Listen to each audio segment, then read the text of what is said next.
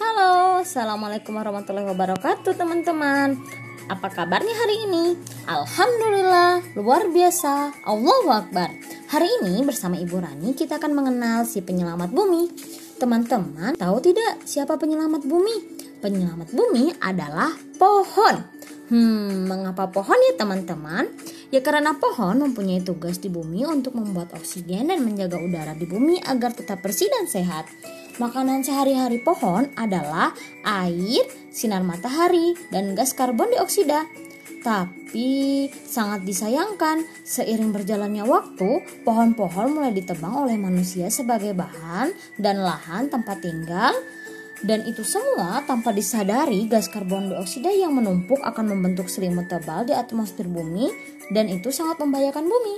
Maka dari itu, mulai dari sekarang kita harus bersama-sama menjaga bumi dengan menanam pohon dan merawatnya ya teman-teman. Oke, terima kasih telah mendengarkan podcast hari ini. Sampai jumpa di podcast berikutnya ya teman-teman. Sayonara.